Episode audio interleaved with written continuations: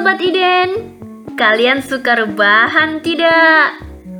Biasanya, kalau scroll Instagram, nonton drama Korea, nge-youtube, baca buku atau gibah via chat, emang paling nyaman kalau rebahan sih.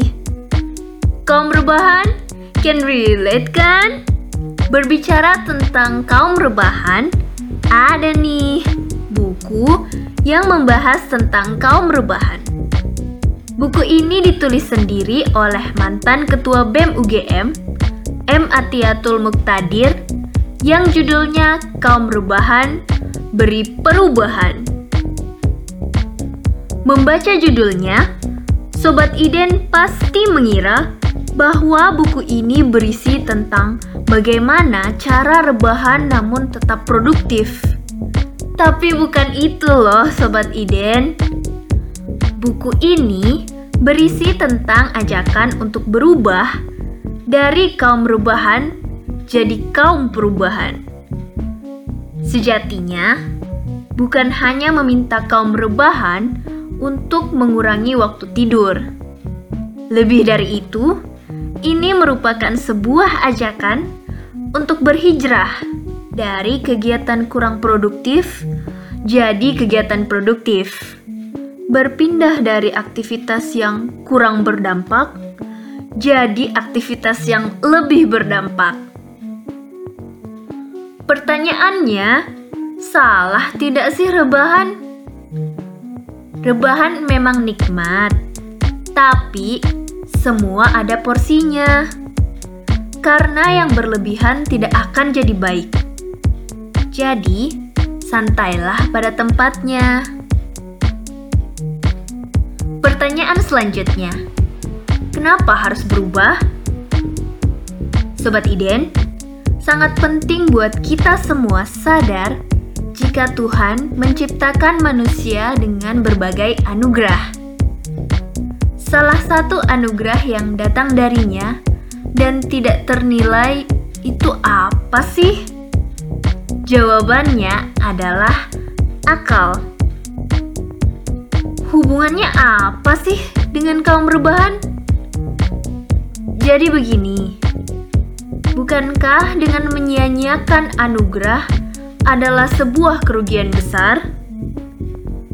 Sebagai makhluk berakal, coba deh kita hitung rasio untung rugi dari sebuah aktivitas rebahan.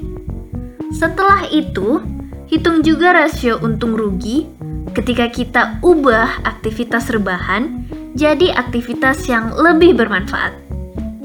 Tentu dampaknya akan berbeda antara rebahan atau baca buku, nonton drama Korea atau berlatih soal ujian, dan banyak mikirin mantan atau mikirin masa depan.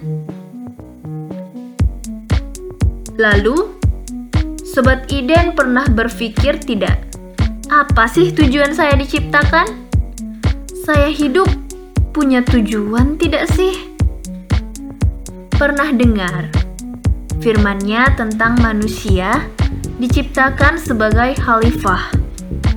Seorang yang dipercaya oleh Allah untuk membawa kebermanfaatan dan kemakmuran di atas bumi. Jadi rasanya rebahan dan malas-malasan bukan cara yang tepat untuk menuntaskan peranan itu. Jadi bagaimana cara jadi kaum perubahan? Apa saja starter pack-nya? Yang pertama adalah kita harus membuat visi hidup. Visi itu apa sih? Bedanya apa dengan misi? Singkatnya begini, visi adalah what we believe we can be. Sedangkan misi adalah what we believe we can do. Visi berfungsi untuk mengarahkan tujuan kita. Apakah sikap kita benar untuk dilanjutkan atau salah jika dihentikan? Sobat Iden pernah diremehkan gak jika iya, di sinilah peranan visi dibutuhkan. Karena dalam sebuah survei yang dilakukan Yale University, menunjukkan bahwa kehidupan yang terarah dan dirancang dengan perencanaan yang jelas akan memiliki pencapaian yang lebih baik. Starter pack selanjutnya adalah memiliki keberanian, gigih, dan sabar. Mengapa? Sebab untuk mencapai perubahan memang tidak hanya sekedar berangan, harus dengan usaha. Betul kan Sobat Iden? Selain itu, Sobat Iden pasti tahu dong bahwa dalam perubahan ke arah yang lebih baik, sering kali kita diuji suatu musibah. Lantas, bagaimana cara untuk tetap pada jalan hijrah? Kuncinya adalah kita butuh motivasi. Motivasi seperti apa? Dan bagaimana cara memunculkan motivasi yang kuat? Sebenarnya ada banyak hal. Namun, salah satu faktor terkuat adalah cinta.